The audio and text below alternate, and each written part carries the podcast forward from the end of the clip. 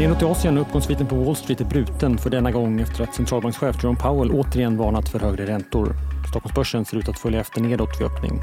Det är fredag den 10 november. Du lyssnar på Det i Morgonkoll och jag heter Alexander Klar. Börserna backar runt om i Asien. Hongkongbörsen mer än de andra, ner nästan 2% Tokyobörsen kring en halv procent. Där faller bland annat Honda efter sin rapport och Softbank som rapporterade en stor förlust igår faller också tungt.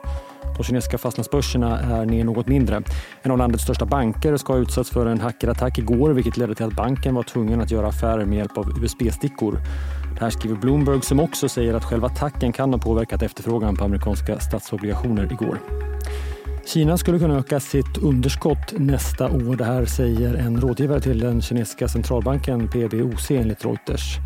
Den centrala regeringens skuldkvot är relativt låg och man skulle kunna emittera mer obligationer, sa rådgivaren. Så sent som förra månaden höjde Kina sin underskottsprognos för i år till 3,8 procent av landets BNP. Wall Street bröt som sagt sin uppgångssvit igår och föll nästan 1 procent samtidigt som räntorna steg. Som jag nämnde märktes en svag efterfrågan i en emission av statspapper igår. Tioåringen steg drygt 10 punkter och står över 4,60. Fed-chefen Jerome Powell talade igår igen och upprepade att man kommer fatta beslut från möte till möte om var räntan ska. Noterbart var att sannolikheten för en höjning i december drogs upp från cirka 10 procent till 15 och en första sänkning har senare lagts från juni till juli nästa år. Sverige såg först en del rapporter. Börsnykomlingen och cybersäkerhetsbolaget Yubico vände till förlust i kvartalet samtidigt som omsättningen steg. Det justerade rörelseresultatet var dock positivt men betydligt lägre än i fjol. Jämförelsestörande poster i samband med noteringen drar ner resultatet menar bolaget.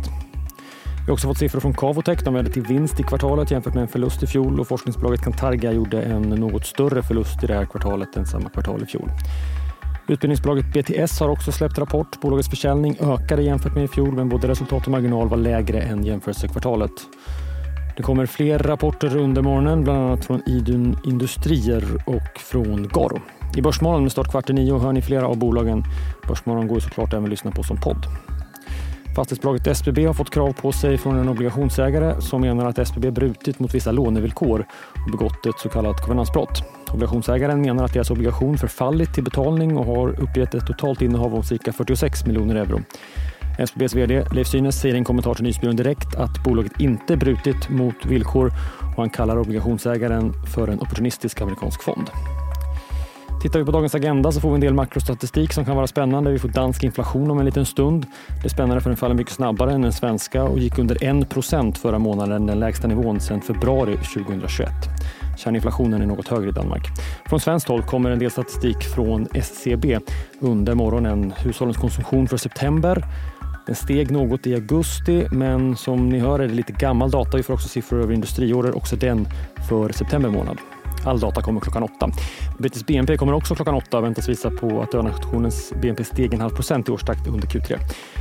Även därifrån får vi siffror över industriproduktionen. Från USA ganska lugnt. Under eftermiddagen kommer Michigan Index som ett konsumentmätning som fallit de senaste månaderna. Det innehåller också inflationsförväntningar. Och svensk inflation det väntar vi ju först på tisdag i nästa vecka. Det kan vara den sista pusselbiten för den svenska Riksbankens beslut om det blir en ytterligare räntehöjning eller en paus. Själva räntebeskedet kommer först om två veckor. Din är Morgonkoll är tillbaka igen om bara tre dagar på måndag. Nu återstår bara att önska en trevlig helg när den kommer. Jag heter Alexander Klar.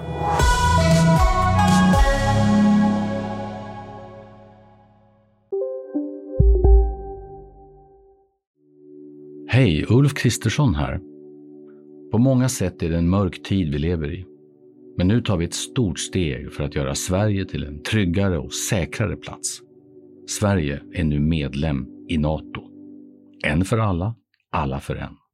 Vi är specialister på det vi gör, precis som du. Därför försäkrar vi på Swedea bara småföretag, som ditt.